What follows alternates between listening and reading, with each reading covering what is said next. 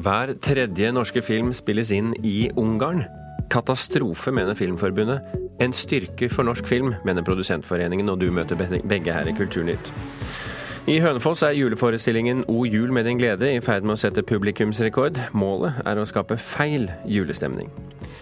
Og det er ikke så ofte det skjer, men en norsk tekstforfatter er med under kåringen av Danmarks beste jazzplate. Og så skal du få møte to kunstnere bak det som kanskje er høstens rareste kunst, tøys, båt, alvor, film, dokumentar. Du hører på Kulturnytt med Birger Kolsrud Jåsund i studio. Stadig flere norske kinofilmer spilles inn i utlandet. 19 av 31 filmer som er laget de siste årene er produsert helt eller delvis utenfor Norge. Utflaggingen vil sette hele filmbransjen i fare, mener Filmforbundet. And turnover. Oppi der. 70 000 mann!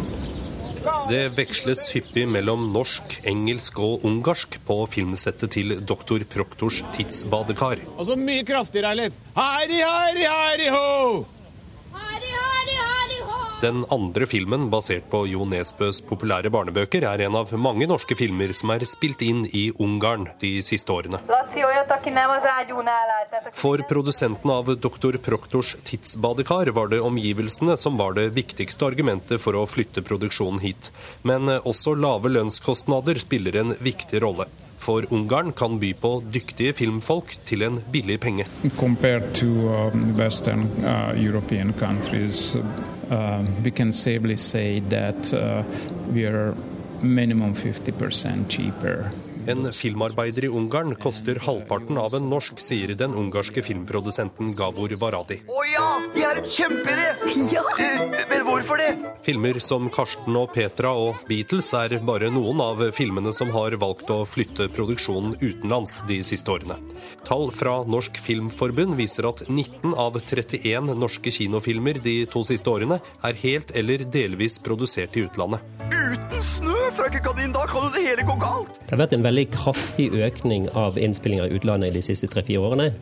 Og nå er det kommet opp på et volum som gjør at det truer fagmiljøet i Norge.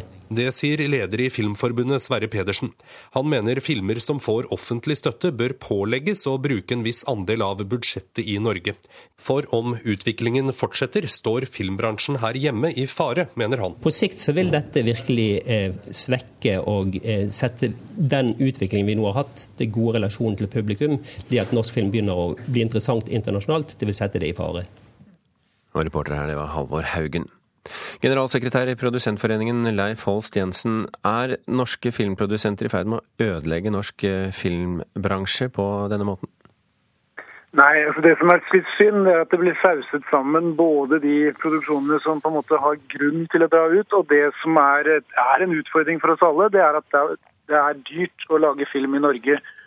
Så eh, når det blir sagt at 19 av 31 filmer helt eller delvis blir spilt inn ute, så er det viktig å vite hvorfor blir disse delvis spilt inn ute. Ja, Hvorfor blir de da, spilt inn ute? Da kan det være kunstneriske årsaker. Det kan være viktig å få samarbeid med andre internasjonale aktører for å få tilgang til internasjonalt marked. Man får styrket finansiering gjennom koproduksjon med utlandet for å få filmene ut. Så er det en utfordring at vi har høye norske priser, og at en del europeiske land har insentivordninger som rett og slett er konkurransevridende i den forstand at i tillegg til at det er billigere, så har de finansieringsordninger som gjør at det er attraktivt å dra dit. Og Det er ingen tvil om at når en privat produsent eh, skal lage film, så har han på samme måte som resten av norsk næringsliv en forpliktelse til å holde kostnadene nede, for ellers er det ikke mulig å gjennomføre prosjektene. Og Da må man også ha eh, økonomiske årsaker for å dra ut. Og Det er de prosjektene det er interessant å drøfte med Filmforbundet. Hva kan man gjøre med i forhold til kostnadene ved å være her, og eh, at vi mangler eh, finansieringsmekanismer som gjør det attraktivt også å være her. Men i sum, Holst Jensen, er du like fullt bekymret for at kompetansen, filmkompetansen i Norge svekkes fordi at jobbene går til utlandet? Felles ansvar vi har for å sørge for at det norske produksjonsmiljøet er bra og kompetent. og Det har vært en utrolig vekst i det norske markedet og masse flinke fagfolk. Men det har også vært et problem tidligere at vi har vært altfor lite internasjonale. Nå har vi plutselig sett at norske skuespillere, regissører, fagfolk også blir, drar, drar ut og gjør det bra ute. og Det er en konsekvens av en blandingsøkonomi mellom norsk produksjon og internasjonal produksjon. Sverre er Pedersen i Unnskyld, Hås Holst Jensen. Sverre Pedersen i uh, Filmforbundet, forbundsleder der. uh, Er du bekymret for at uh, den norske filmkompetansen svekkes? Selvfølgelig er jeg det.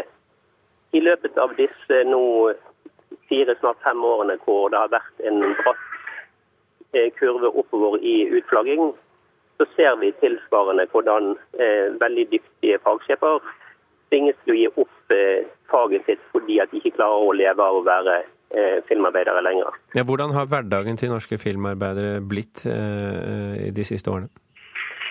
Altså, det, det sier jo seg sjøl at når en så stor del av eh, kinofilmene, som har vært eh, hovedområdet for eh, de dyktigste fagsjefene vi har i Norge, når det eh, har blitt så eh, mye dårligere pga. utflaggingen, så eh, er det klart at det blir vanskelig å overleve. Eh, det blir vanskelig å, å klare å opparbeide seg en lønn som gjør at du kan leve av det. Hva bør gjøres uh, for å snu denne trenden? Jeg mener at det er to eh, hovedting som må gjøres. Det ene er jo eh, insentivordning. og Det mener jeg er den aller viktigste. Det andre er at vi må drøfte i Norge også og eh, eh, innføre spennkrav. Altså krav om at eh, eh, deler av den offentlige støtten som gis, skal brukes i Norge, slik som de fleste land i Europa har. Leif Halst Jensen i Produsentforeningen, er det en god idé, syns du? Jeg syns også vi må drøfte øh, overenskomsten til Filmforbundet og fleksibiliteten som er i den. Og det at øh, Filmforbundet har en avtale med oss som er mindre fleksibel enn en annen del av norsk arbeidsliv som er øh, Men, men, men krav til uh, å, å gjøre arbeidet i Norge, er det en god idé? Nei, Kravet til å gjøre arbeid i Norge er egentlig ikke noen veldig god idé. Men hvis vi ser også på andelen av det som norske produsenter legger igjen i Norge i filmene sine, så er den høyere enn den andelen vi får i offentlig støtte. Så vi er, vi er åpne for å drøfte om en, ja, at det skal kunne komme et sånn type krav. Men det kommer ikke til å løse den utfordringen som Sverre og vi har sammen. Det er at det er veldig dyrt, og vi er en del av en internasjonal industri som konkurrerer knallhardt. Danskene, svenskene og andre aktører gjør akkurat det samme. Og vi er en del av et europeisk arbeidsmarked, en del av en europeisk filmindustri. Sverre Pedersen, er ikke, er, er ikke filmindustrien her i akkurat samme situasjon som f.eks. skips- og maritim industri? Altså Mange norske næringer er i en situasjon der det er en sterkere internasjonal konkurranse i dag, også fordi at eh, EØS-avtalen gjør at vi har friflyt av eh, arbeidskraft.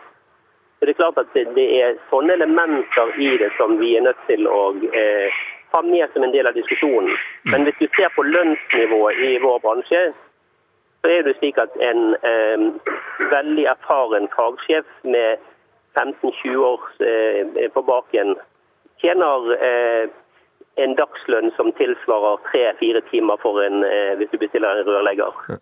Så, så kostnadsnivået Det er klart at Vi er, vi, er, vi er nødt til å runde av der. Sverre Pedersen, tilgi meg for å avbryte deg. Forbundsleder i Filmforbundet, altså Produsentforeningens Leif Holst Jensen var også med oss. Tusen hjertelig takk for at dere var med i Kulturnytt.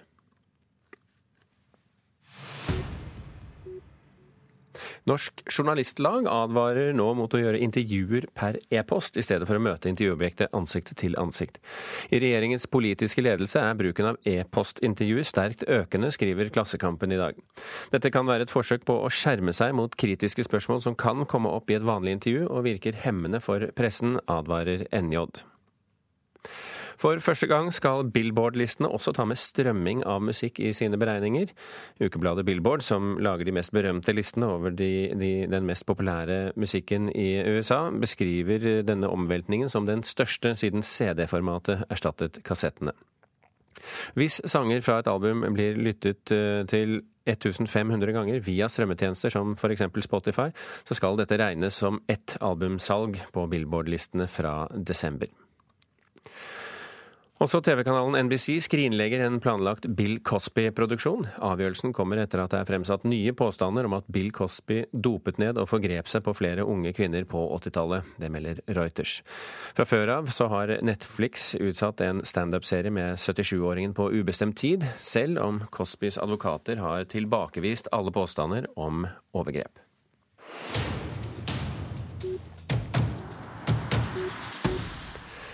I går var den svenske filmskaperen Roy Andersson her i Kulturnytt for å snakke om sin nye film 'En due satt på en gren og funderte på tilværelsen'. En film eh, som er befolket av modne og svært hvite menn og noen kvinner. En film som begynner med tre måter å dø på, men som handler om livet.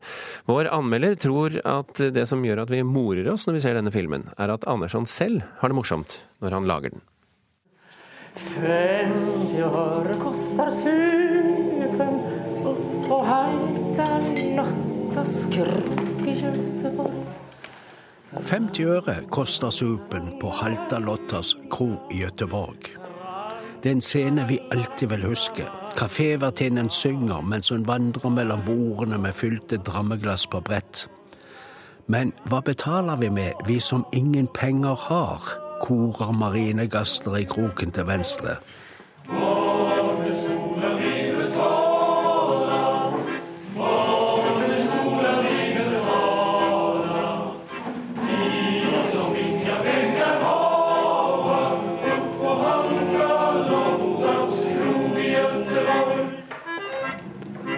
Et kyss, synger vertinnen tilbake.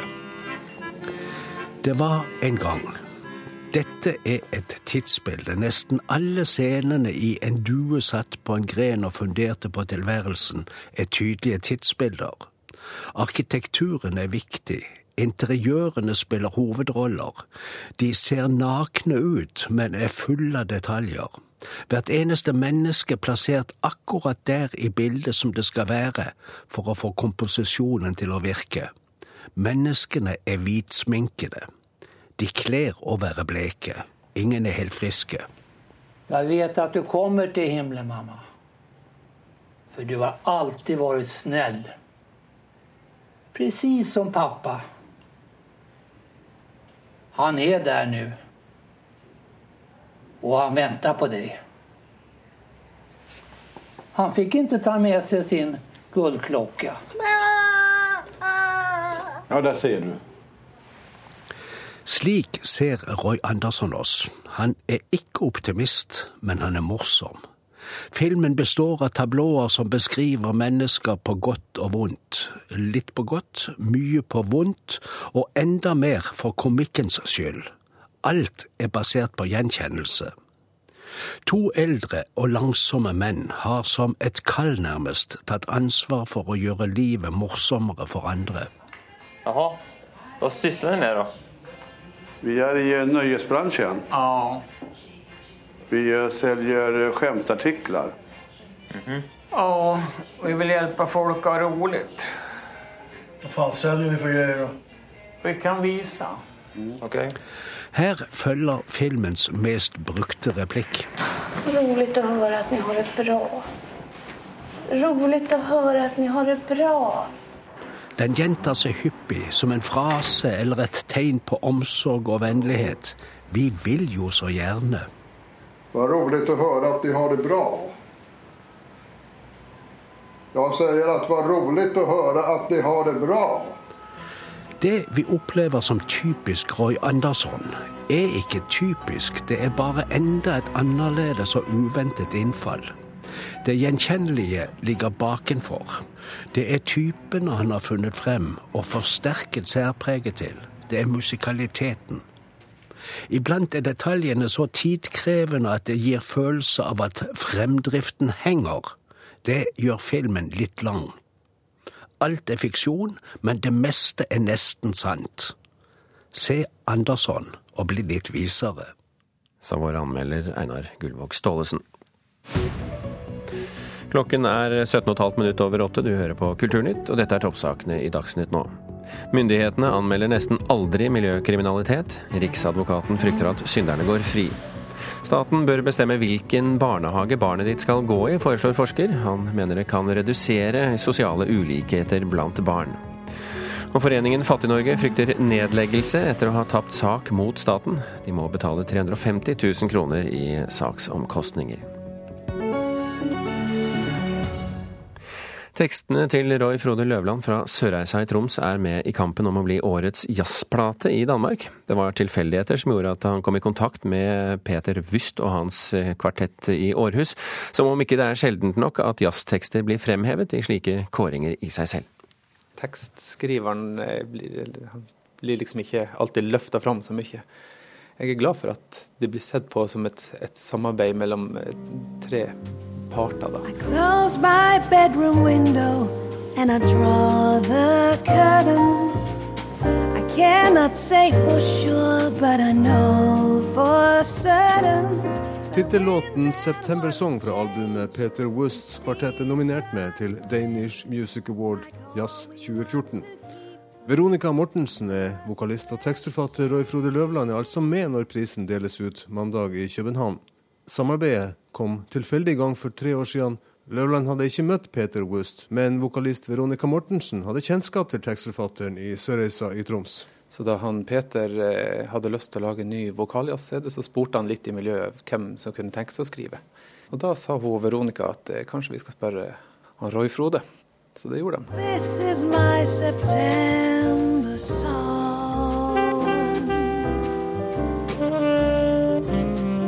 Århus-baserte Peter Wust spiller sjøl bass i kvartetten og er hjerneforsker av yrke.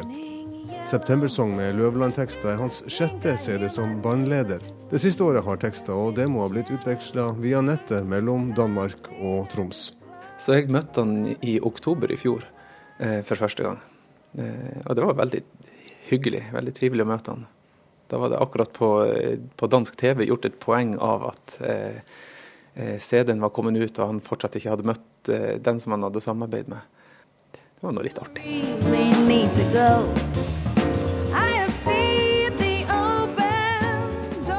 Altså det å gi fra seg tekstene og uforbeholdent eh, gi det videre til han. Eh, han lager en helt annen type musikk til det enn jeg ville gjort. Eh, men det syns jeg skaper en eh, ekstra dimensjon i det, som, som gir litt mer liv til, til låta.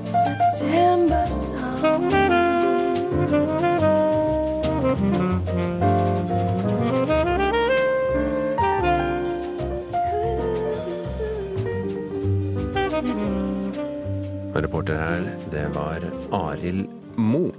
Nå skal vi til høstens eh, rareste dokumentarfilm. Helt spontant, på slutten av et nachspiel, var det at et håndtrykk og et løfte skulle forandre kursen i livene deres. Basert på en drøm inngikk de en pakt. Og vips, så ble de enige om å bygge en flytende konstruksjon for å reise til midten av Bermudetriangelet og bli rykket opp i kosmos. Konstruksjonen skulle hete KYS. K for kjærlighet, Y for ydmykhet og S for smerte. Ja, dette var omtrent startskuddet for høstens rareste dokumentarfilm, basert på det man kanskje kan kalle de siste par årenes rareste kunstprosjekt, satt i stand av, og filmet av Trond Nicolas Perry og Erik Pirot. Velkommen til Kulturnytt, begge to. Tusen takk. Filmen begynner altså her med tanken om en, en sjødyktig farkost. Det ble en katamaran, svært ulik de fleste katamaraner. Hvordan vil dere beskrive den? Det er vel en slags cabincruise og katamaran. Kunstprosjekt. Kunstprosjekt, ja. ja. Ser jo ikke ut i måneskinn. Nei, du syns han er stygg? det, det rareste katamaranen jeg har sett, i hvert fall. Rar, rar er bra. Rar er bra. Mm. Og den fløt. Den fløt, ja. Um, på hvilken måte er dette et kunstprosjekt? Det er et kunstprosjekt fordi at vi prøver å ta et eh, Eller vi prøvde da. Vi hadde et indre bilde som vi til en viss grad delte, som vi var så nysgjerrig på at vi ville ta steget ut av hjernen og inn i verden. Og så bygde vi en konstruksjon helt spontant. Altså, Vi hadde mange arbeidstegninger, men den ble bygd helt spontant. Og da vokste den på en måte bare fram, på lik linje som en skulptur kan vokse frem. Mm. Kunne dette vært gjennomført uten å lage film av det? Altså kunstprosjektet? Mm. Jo, det, det, ble jo gjennomført uten å holdt på å si, Første skrittet var jo rett og slett bare å bygge denne konstruksjonen og reise på eventyr inn i kunstverdenen med han. Altså Ideen til at det kunne bli en hel film, den kom egentlig ganske på slutten. Når vi bestemte oss for at eh, båten skulle hives fra Eller heises opp i et helikopter. Da må, du ikke avsløre alt, da. Dette er jo den dramatiske sluttbrosjyren. ja, det er jo det. ja, ja, men i hvert fall ganske seint i prosessen så fant vi ut at dette kunne bli en, en film, da. Dere legger altså bort tanken eh, ganske tidlig om å seile den til Bermudatriangelet og suges opp i kosmos, og velger den litt mer overkommelige eh, reisemålet Münster eh, til kunstutstillingen der. Men dere var jo ikke invitert, og ingen reiser vel til denne kunstutstillingen uten å være invitert?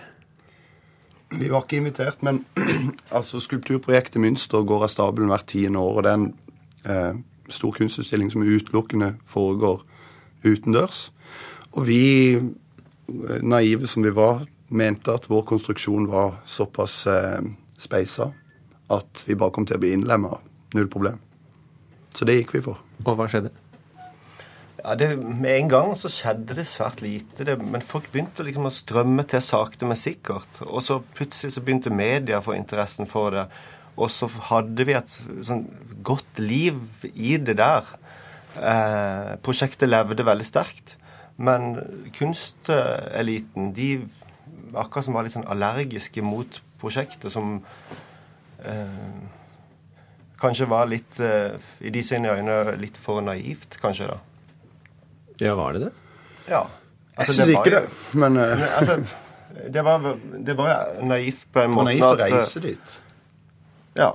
Men selve dingsen syns jeg var helt på høyde med mye som jeg så der. Men det var litt kult at det ble mye mer At det ble ikke et sånn kunstklikk-prosjekt. Og det har det egentlig ikke vært hele veien. Det har alltid vært folk, barn, unge, alle mulige. Et veldig folkelig prosjekt så det ut som da, ja. da dere, der dere lå i havna på Og det kom barnehageklasser, og det kom vanlige folk, og ingen kunstkritikere. Nei. Hvordan kjentes det? Nei, altså det, det livet som oppsto der, det var jo veldig sånn levende. altså Det var ikke noe sånn direkte savn, egentlig. Fordi at det var jo bare at Det er jo eventyrets form, på en måte. At du ikke kan At noe annet skjer enn det du tenkte deg. Og det, har, det hele har jo vært et slags eventyr med uforutsigbare retninger. Prosjektet er nå over. Kys har møtt sin skjebne, så å si, som du så vidt var inne på. Men det lever videre. Hva venter dere av dette prosjektet nå? Ja, I kveld så har vi, åpner vi en utstilling på galleri TM51. Der vi viser båten i, på en helt I, i den måte. tilstanden den er nå? Ja, i den tilstanden den er nå. Som uh, er ganske forskjellig som utgangspunkt. da. Vi, vi, vi, forventer, eller vi håper vel at Kys skal gå hjem. Vi får se. Det gjenstår å finne ut av. Tusen hjertelig takk for at dere kom til Kulturnytt, Trond Niklas Perry og Erik Pyrot. Tusen takk. For fjerde året på rad prøver gjengen bare bak Hønefoss-revyen å skape feil julestemning på denne tiden av året. I kveld er det nok en gang premiere på showet O og jul med din glede i Bysalen i Hønefoss. Og showet, som i sin tid startet som en enkel liten produksjon, vokser seg nå større og større for hvert år, og, mer og, og blir mer og mer populær. I år blir det trolig publikumsrekord. Det var ikke noe ledig rom på ledighotell.com.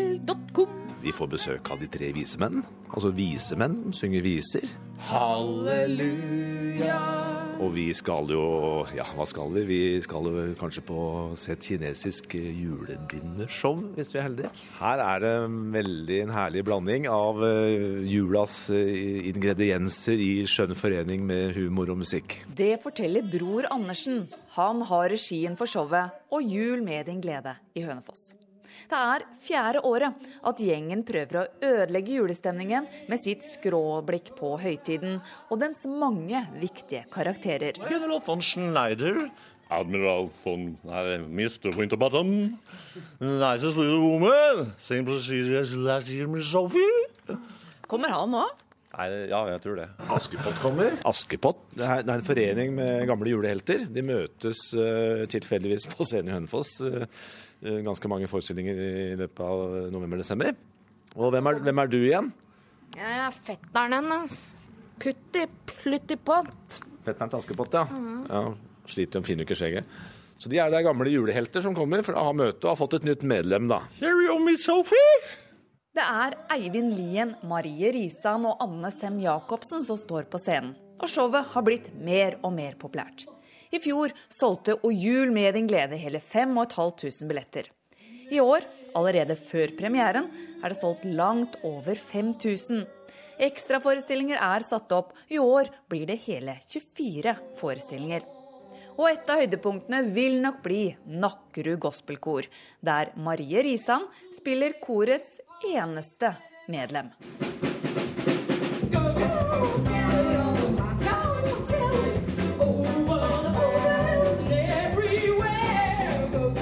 kjenner jo til Oslo Gospelkor, som har gledet oss i alle år med sin eh, vakre julemusikk. Men nå trenger man ikke dra til Oslo eller andre steder, for nå har vi vårt eget gospelkor her ute på Nakkerud. Men de sliter litt med med hvor mange medlemmer de har. Så Det er ikke sånn sinnssykt mange medlemmer, og det gir litt utfordring når du både skal synge solo og kore.